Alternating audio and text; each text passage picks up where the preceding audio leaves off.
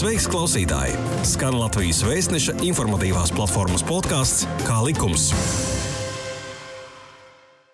Izskanot šim dinamiskajam ievadmotīvam, ar prieku sveicinu jūs Latvijas vēstneša valsts pilsoniskās un tiesiskās informācijas platformas podkāstā.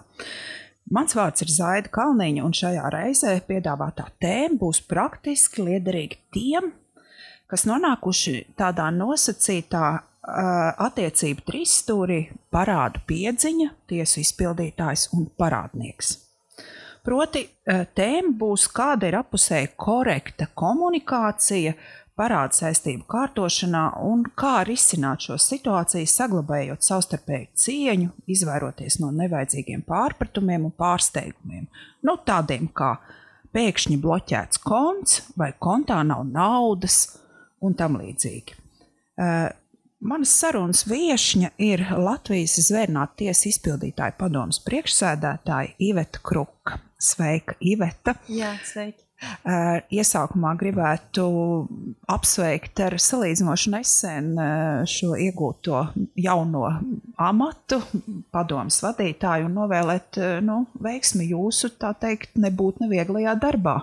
Jā, paldies. Īstenībā, jā, salīdzinoši nesen, bet laiks skrien vējas pārniem un jau ir apaļš gads, kā esmu šajā amatā. Nu, tad tie, tie rezultāti būs arī tuvākajā kopsapulcē jāvērtē kolēģiem. Cerams, ka viss būs ok. Noteikti. Eh, labi, nu tad ķersimies pie mūsu jautājumiem, kā mēs varam palīdzēt cilvēkiem, kas tiešām ir nonākuši šajā parādu situācijā, kļūt zinošākiem. Es paskatījos Zvērnāta tiesas izpildītāja padomus vietnē, un uh, tur uh, liet, informācija liecina, ka Latvijā šo piecu apgabalu uh, tiesu teritorijā praktizē kopumā uh, gandrīz 100 tiesu izpildītāji, 94. Skaitlis ir pietiekami liels. Uh, un visi viņi ikdienā strādā daudz lietas, vai ir aptuveni zināms, cik tad kopā viņiem visiem ir to aktīvo parādu piedziņas lietu. Mm -hmm. Es um, tieši aktualizēju šo jautājumu. Man ir pat ne tikai aptuveni, bet precīzi zināms. Ja? Un šobrīd uh, tieši izpildītāja lietvedībā ir reģistrētas 827,529 aktīvās izpildu lietas. Uh, nu, Šeit ir jāpaturprātā, ka mēs runājam tiešām par aktīvajām izpildu lietām, un varētu būt tā, ka senākā, senākās lietas ir no 2003. gada, kad uh, tika dibināts Zvērinātu tiesu izpildītāju institūts, nu, un, un svaigākās ir, protams, šī gada iesniegtās lietas. Un tās ir aktīvās izpildu lietas, un vidēji nu, tā arī sanāk, ka katrā iecirknī ir ap aptuveni 8800 aktīvo lietu. Kādā vairāk, kādā mazāk, protams, šeit ļoti svarīgs ir šis arī ekonomiskais faktors, kur konkrētais iecirknis atrodas. Ja, tā tad noteikti Rīgas kolēģiem lietu varētu būt vairāk, reģionos varbūt mazāk, gan, gan šo iedzīvotāju blīvums, ekonomiskā aktivitāte, tas, tas viss, protams, arī nes savas korekcijas. Bet, nu, tāds, tāds tas cipars ir nu, gana liels. Tātad mums ir tiešām ļoti daudz klientu, ar kuriem ir jāstrādā, ar kuriem ir jākomunicē, ar kuriem ir jāskaidro šie ikdienas uh, jautājumi, kā jau jūs pieminējāt, par kontu apķīlāšanu, saglabājamajiem līdzekļiem un tā tālāk. Bet pats svarīgākais, ko es jau ievadā gribētu pateikt, ir um, nedaudz laust šo stereotipu. Proti, tiesu izpildītājs nav piedzinēja uh, vai, vai kreditora nu, pārstāvis vai labā roka. Gluži pretēji, tiesu izpildītājs ir tāds vidutājs, kuram būtu jānodrošina cietušās puses interešu aizstāvība, tāpat laikā arī samērīgi nodrošinot parādnieka šīs noteiktās intereses. Ja? Tāpēc tiešām aicinātu pats galvenais komunicēt un būt zinošiem. Jūs minējāt, ka nu, šīs 8000 lietas ir kā vispār pa gadiem, vai nu, faktiski uh, šī aizņemšanās kultūra Latvijā ir diezgan izplatīta. Jā, nu šobrīd mazinās, varbūt tomēr cilvēki sāk savus finanses plānot, bet kā vispār ir? Vai šī parādu lietu dinamika pieaug pa gadiem vai samazinās? Es teiktu, ka šobrīd tā, tā, tā kopējā lietu, kopējais lietu skaits tomēr ir salīdzinoši līdzīgs, bet pa gadiem. Bet kas ir interesanti, šobrīd krietni mazinās to lietu skaits, kur ir, kurās ir veicamas nekustamo īpašumu izsoles. Ja? Tātad, un savā ziņā tā ir laba tendence, kas nozīmē, ka no šis te uh, desmitā gada krīzes, uh, krīzes posms ir pārvarēts. Ja? Un šobrīd es teiktu, mēs tiešām atgriežamies tādā nu, tā kā normālas ekonomikas apstākļos, kad jā, šīs izpildu lietas ir. Es teiktu, ka ir pieaudzis administratīvo pārkāpumu lietu skaits. Jā. Protams, arī šis civil lietu skaits ir, ir noturīgi liels joprojām, bet ir mainījusies šo civil lietu teiksim, struktūra. Jā. Mēs arī esam veikuši pētījumu un kā es teicu, atkal mums pašiem tas bija zināmā mērā pārsteigums, ka lielākais šis lietu skaits ir par salīdzinoši mazu summu piedziņu. Ja? Tātad ir sarūkts šis lietu skaits, kur piedziņa iet virs desmit tūkstoši, ja? un, un kur ir iesaistās, kur ir šis te, nu, tāds galējais līdzeklis nekustamā īpašuma izsole. Kaut gan skaits plus mīnus turās, turās līdzvērtīgi iepriekšējo gadu tendencēm.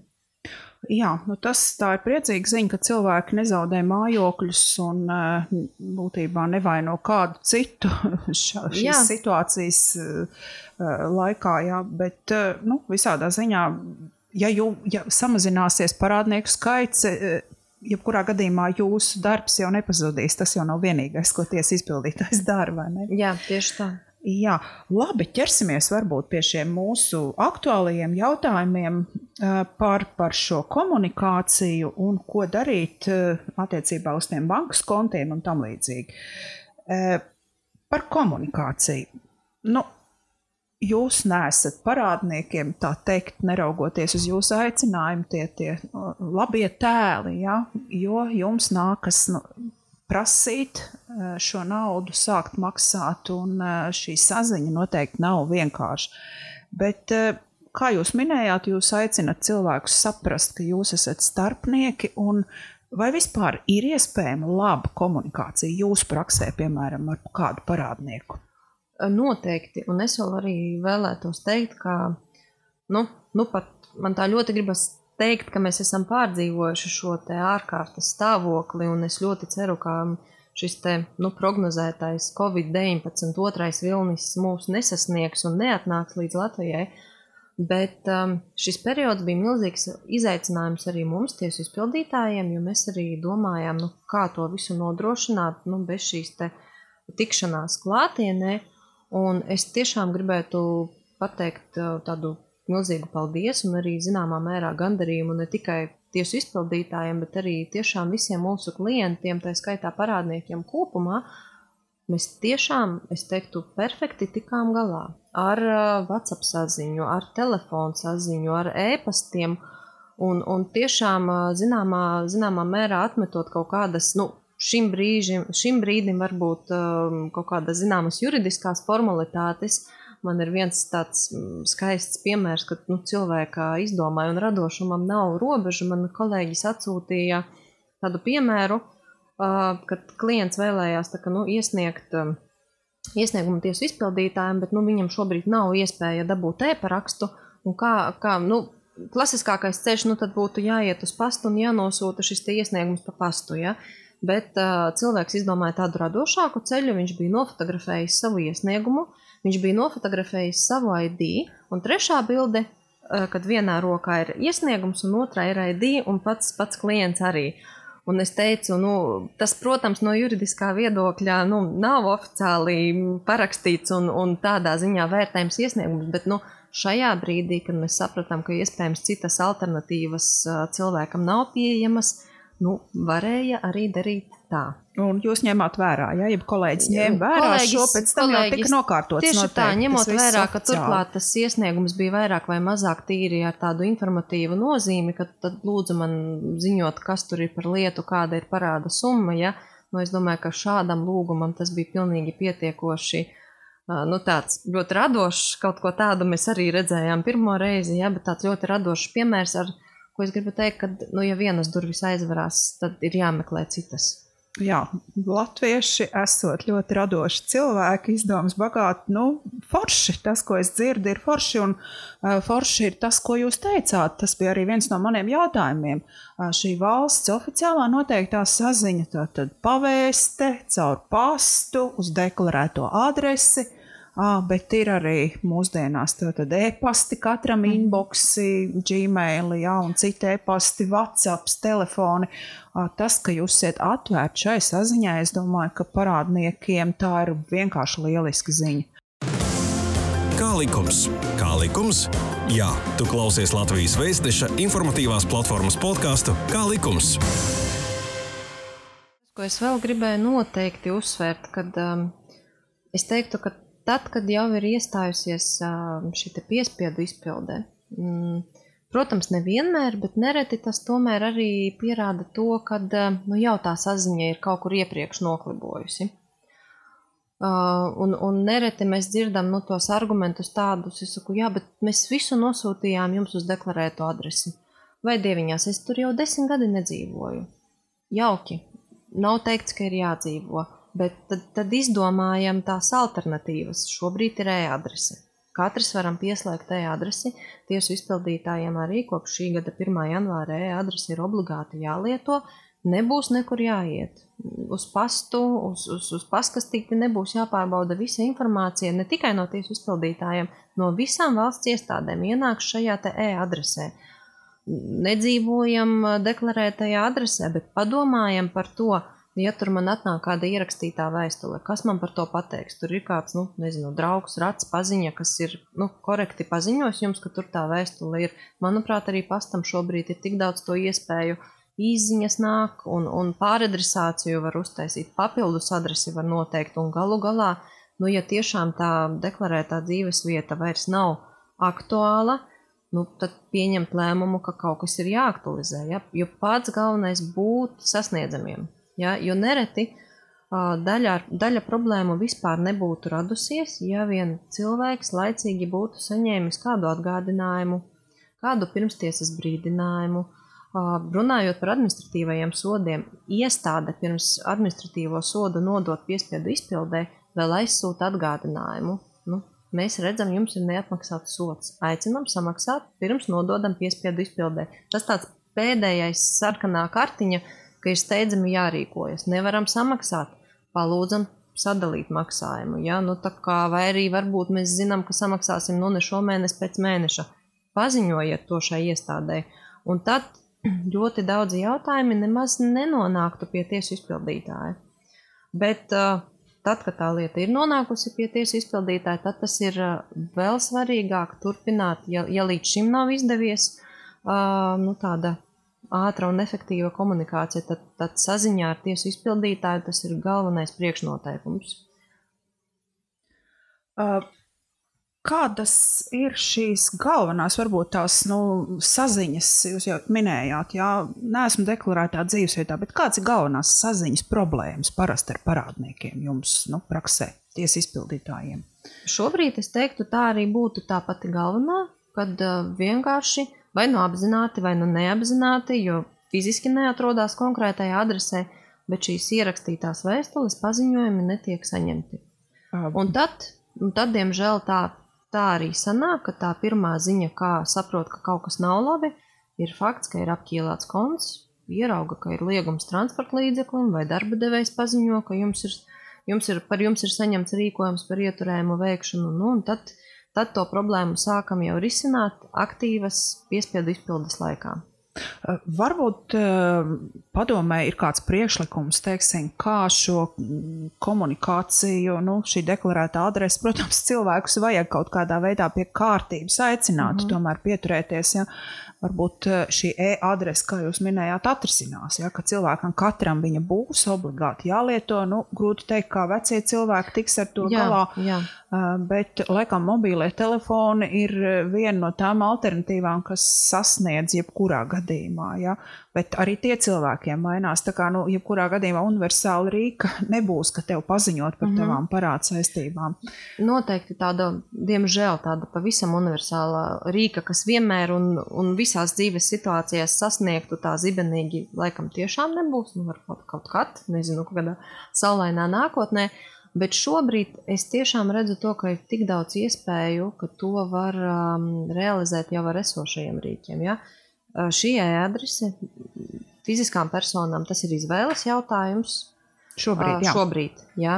Uh, juridiskām personām pagaidām ir pārējais posms, bet uh, pienāks brīdis, kad tas būs obligāts jautājums. Ja? Tā kā es domāju, ka, tas, ka šis ir tāds viens liels tiešām uh, tāds valstiski veidots rīks, kas tiešām daudz ko nu, dzīvē atvieglotu. Nekur nav jāiet. Jā, bet nu, tā digitālā plaisa starp paudzēm, jā, tad, tāpēc arī tām fiziskām personām tas tā ir atstāta kā otrs alternatīvais šis risinājums, deklarētā dzīves vieta. Uh, varbūt mēs varam tā kopīgi nu, uzzīmēt tādu ideālo saziņas modeli ar tiesu izpildītāju, no tiesu izpildītāju puses raugoties, kāds viņš varētu būt. Piemēram, cilvēkam ir, kā jūs minējāt, viņš atjēdzas, ka ir bloķēts bankas konts. Nu, tā, Ko viņam darīt? Tātad tā, pirmais, kas viņam ir jādara, viņam ir jāsaprot nu, problēmas būtība. Ja? Varbūt tas ir tikai kāds aizmirsts um, administratīvais sots, nu, kam negadās. Visi esam cilvēki. Uh, Kaut kas var aizmirsties, kaut kas var varbūt tīri maksājumu veicot, liekas, ka izpildījām un neizpildījām vai kļūdījāmies un tā tālāk. Tātad pirmkārt ir jāsaprot, par ko ir runa. Tajā brīdī, kad klients ir sapratis, kas tas ir par stāstu, vai tas ir administratīvais sots, vai tie ir varbūt uzturlīdzekļu piedziņa, varbūt tas ir kāds parāds, kas ir jādod, nu tad tajā brīdī ir jāsaprot atkal tas uh, nu, reālās cilvēka iespējas. Ja? Varu samaksāt, gribu atrisināt jautājumu uzreiz, ne nu, tikai gribu, bet arī varu. Un tad, nu, tad jautājums ir izsmelts, parāds ir apmaksāts, visi liegumi atcelti, lieta veiksmīgi nodota arhīvā, un tā kā visi turpina dzīvi no jaunas kā, skatu punkta. Ja nu tomēr tā saistība nu, nav tik viegli izpildāma, ja, kad, ir, kad tas ir skaidrs, ka ir vajadzīgi kaut kādi nu, daļēji maksājumi, nu, Tad gan es teiktu, ka tas ideālais variants ir tāds, kad ir jāsazinās ar tiesu izpildītāju, un šī situācija ir jāizrunā. Ja? Kas tas ir par parādu? Kā, ja tas ir piemēram uzturlīdzekļu parāds, ja, tad uh, ir iespēja vienoties ar uzturlīdzekļu garantiju fonda administrāciju par, par šiem regulāriem maksājumiem, uh, nu, lai šo uzturlīdzekļu parādu dzēst. Nu, ja tas ir cita veida parāds, ja, nu, tad ir atkal attiecīgi jāskatās, kādas ir iespējas konkrētā cilvēka iespējas, kādas viņas ir pret šo konkrēto parāda summu, un tā jau tas samērīgais risinājums tiek atrasts. Oh, bet sakiet, banka taču tam parādniekam nepateiks, kurš tad ir tas tiesas izpildītājs, kurš uzlika šo liegumu. Pateiks.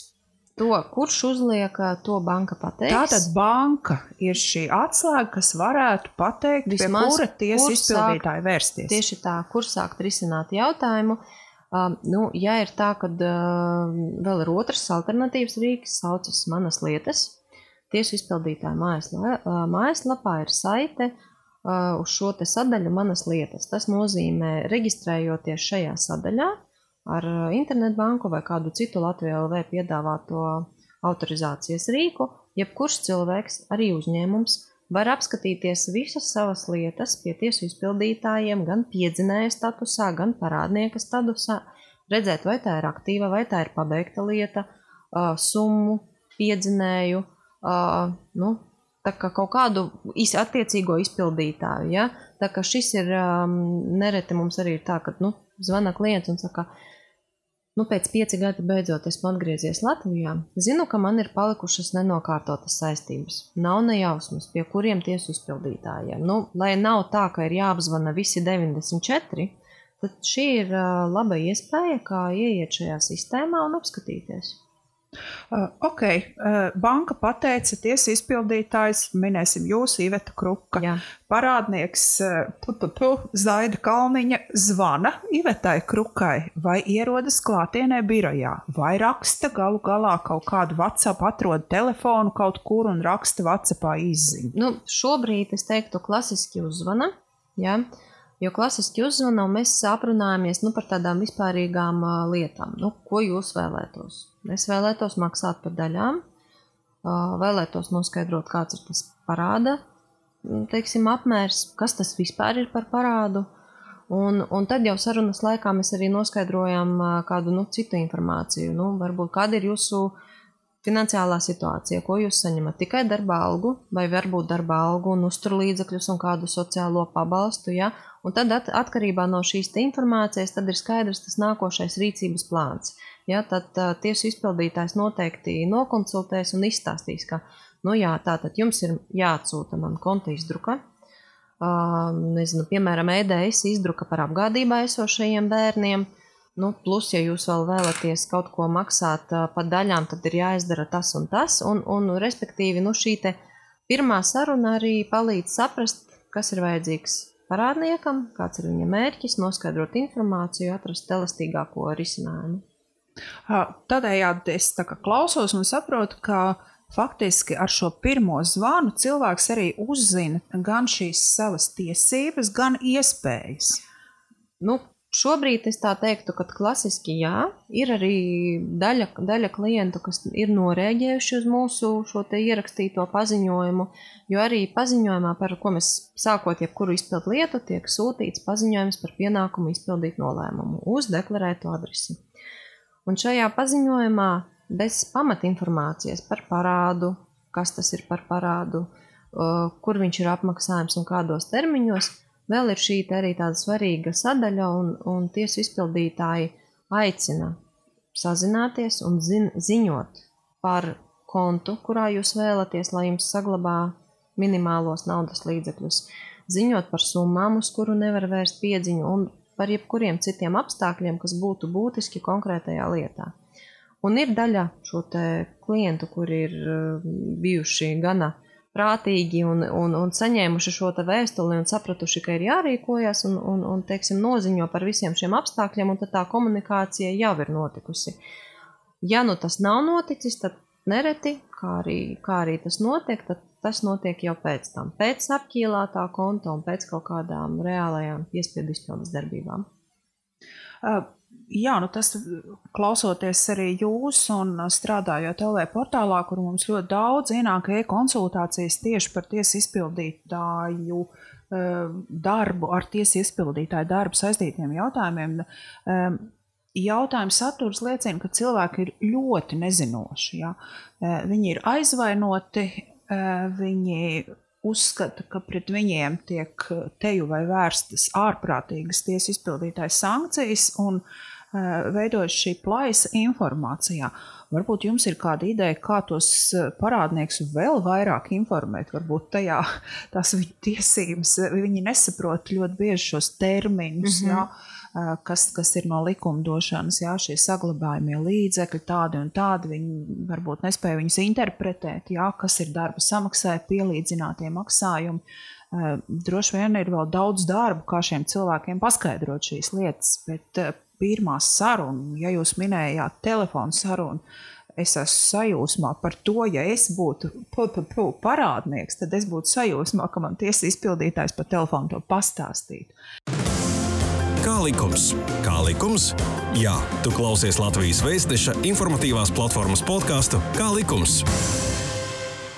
Atgriezīsimies pie tām bankas konta, mm -hmm. kas arī ir tāds sāpīgākais moments cilvēkam. Viņš aiziet uz bankomātu un nekā.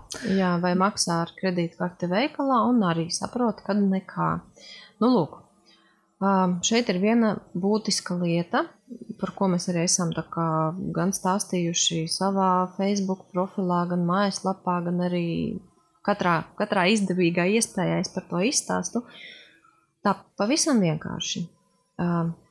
Fiziskai personai ir tiesības vienā bankā mm, tātad lūgt, lai vienā bankā viņai saglabā naudu 430 eiro apmērā. Klasiskā gadījumā nerunāsim par izņēmumiem šobrīd. Un te nu tā nianse ir, ja, ja, ja cilvēkam ir vairākas bankas, un ja viņš nav komunicējis ar tiesu izpildītāju, tad, diemžēl, es varu neuzminēt, kura ir šī, te, kā mēs saucam, aktīvā banka, kurā, jum, kurā cilvēkam ienāk viņa darba samaksa, tad šo pazīmi, ka šie 430 eiro būtu saglabājami, mēs vienā no bankām esam noteikuši paši pēc savas iniciatīvas. Nereti uzminam, nereti arī neuzminam. Ja? Un tāpēc šis ir pats galvenais, pats galvenais mirklis. Tātad, ja ir nokonstatēts, ka ir apķīlāts konts, un tas ir tas jūsu nu, sauksim tā, aktīvais konts. Nu, algas konts. Algas konts, tieši tā. Tad pirmā lieta, kas ir, kas ir jāizdara, ir jāsazinās ar tiesu izpildītāju vai arī internetbankā to var pārbaudīt. Un jāpārliecinās, ka šī kontā tie 430 eiro jums mēneša ietvaros tiks saglabāts. Ja nē, parādniekam ir jebkurā brīdī iespēja, tiesība paziņot, kurā kontā, tātad kurā kontā viņš vēlas tos 430, lai saglabā. Ja? Un tas ir tikai nu, elementārs jautājums, dažu klikšķu jautājums, un to situāciju var atrisināt. Tas ir pirmais. Nu, un tad nākošais ir jautājums par šiem vēl papildus saglabājamajām summām. Un es teiktu, ka šobrīd es redzu tendenci, ka um, vismaz mani klienti paliek ar vien zinošāki, un man par to ir patiesas prieks. Jo nereti ir tā, ka uh, zvana parādnieks un saka, nu kā, Man tur ienāca uzturlīdzekļi, Krukas kundze. Kādā sakarā jūs no viņiem kaut ko ieturējāt? Un man tiešām tajā brīdī ir patiesas prieks, ka cilvēki zina, ka, piemēram, uzturlīdzekļi ir šis izņēmums. Un tā otra nianse, kas vēl ir, pie kuras mums vēl ir jāpiestrādā, ja? tātad par šīm summām, uz kurām nevar vērst piedziņu, ir jāpaziņo. Es, diemžēl, to uzreiz neredzu un nevaru zināt. Bet, ja, ja vien notiks šī korektā saziņa, ja man ir iesniegts pierādījums, nu, piemēram, konta izdruka, kur es tiešām redzu, ka katru mēnesi valsts ieskaita 129 eiro uzturlīdzekļu summu, viss būs kārtībā. Šī summa tiks papildus saglabāta. Un mēs atkal atgriežamies pie tā, kā veiksmīga komunikācija, jebkurā gadījumā būs panākuma atslēga gan izpildēji, gan arī pašam parādniekam viņa tiesību aizsargāšanai. Respektīvi, jautā, un tu saņemsi atbildi. Tas izpildītājs tev vienmēr atbildēs. Uh, jā, nu, sakiet, no kurienes radies uh, parādniekiem vai vispār cilvēkiem šis maldīgais priekšstats, ka tiesa izpildītājs taču redz visu manu bankas konta saturu? Man ir, uh, man ar pašai tas nereti tāds. Um, Neatbildēts jautājums, jo tas ir tiešām tāds klasisks, klasisks mīts, ja? un uh, klients tā arī saka, nu, bet Paskatieties, lūdzu, savā datorā, jūs taču to redzēsiet. Neredzēšu, tiešām neredzēšu, jo es redzu tikai šos pamatdatus, ka konkrētam cilvēkam ir konts trijās bankās. To es redzēšu. Bet kāds ir šis konta apgrozījums, kādi naudas līdzekļi tur ienāk, to mēs neredzam. Par to, ja ir kādi šie individuāli apstākļi, ja, tad par to ir jāziņo tiesu izpildītājiem. Un es pat teiktu, ka Um, nav tā, ka jums obligāti jāzina, kuri tie teiksim, sociālā pabalsta veidi ir izņēmums un kuri nav izņēmums. Ja? Var vienkārši nākt pie tiesu izpildītāja un tā arī izstāstīt.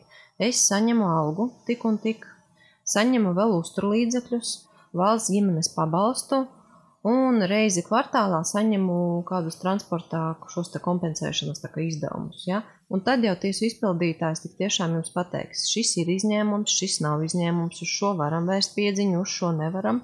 Un, un, un palīdzēs jums tā, to visu nu, salikt tādā karkasā un saprast, kas ir kas noteikti.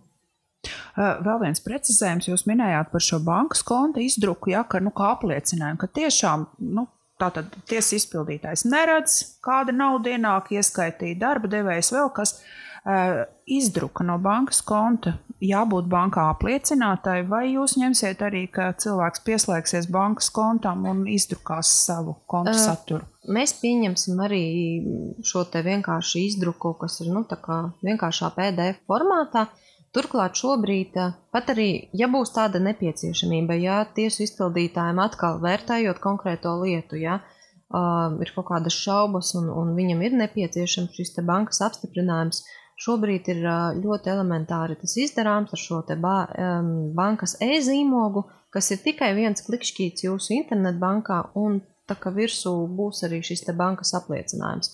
Bet nu, tās jau ir nianses, ko risina individuāli. Bet es teiktu, ka tam pirmajam, nu, tam, tam pirmajam brīdim pilnīgi pietiekoša būs arī šī parastā konta izdruka. Ja tur būs nepieciešami kādi papildus precizējumi vai apstiprinājumi, to jau tiesu izpildītājs nokomunicēs. Jauki. Labi, parunāsim par tādām lietām, kā varbūt tādu drusku vēl noslēgumā izglītošā informācija tiem parādniekiem, kas krāj, krāj, krāj un mēģina izvairīties no tām parādu saistībām. Vai parādu saistībām ir noilgums? Ir, bet ne visām. Šobrīd vienīgā tāda, teiksim, parāda saistība, kurā, kurai ir noilgums, tā ir administratīvo sodu izpilde. Administratīvie sodi noilgst piecu gadu laikā kopš lietas iesniegšanas brīža. Tas nozīmē šobrīd, 2020.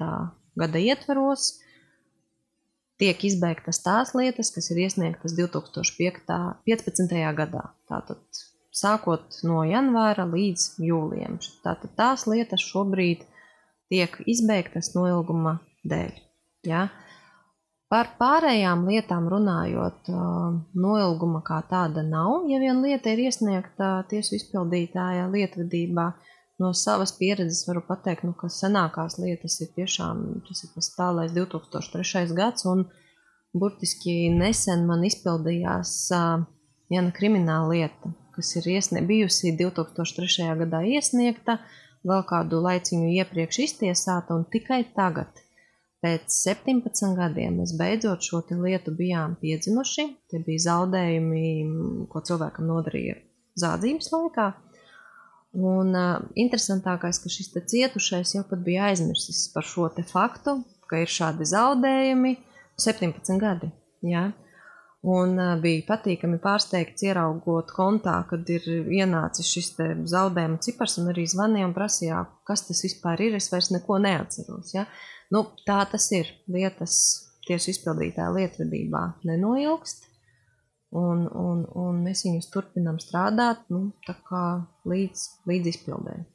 Uh, jauki tas tāds varbūt ieskats kādā no turpmākajām mūsu sarunām, bet uh, Šajā reizē nu, mēs tā ļoti ātros vilcienos esam par to saziņu galveno darījuši zinām un, un par tiem kontiem tos mītus dzēsuši, ka e, runā ar tiesu izpildītāju, tik līdz sajūt, jautā bankai, pie kur tiesu izpildītāji vērsties, un tālāk jau komunikācija normāla atrisinās visas e, neiedzīgos pārpratumus un domstarpības. E, Teikšu paldies mūsu viesņai par šo īso konspektīvo informāciju un domāju, ka tiešām parādīja nu, cilvēkiem, kas ir saistīti ar parādu, saistību piedziņu, ja, vai arī varbūt tieši šī otra puse, ja, kas ir šie cietušie, ja, par daudzām tēmām mēs aicināsim labprāt tiesas izpildītājs parunāt citā reizē, citos podkāstos. Ar jums kopā bija Zaida Kalniņa un Latvijas zvērnāta tiesas izpildītāja padomas priekšsēdētāja Iveta Kruka. Paldies, ka klausījāties! Paldies! Šī bija iknedēļas pusstunda kopā ar oficiālā izdevēja Latvijas vēstneses informatīvās platformas podkāstu Kā likums. Pastāsti citiem, ja bija noderīgi un interesanti. Kā likums, tiekamies ik trešdienu!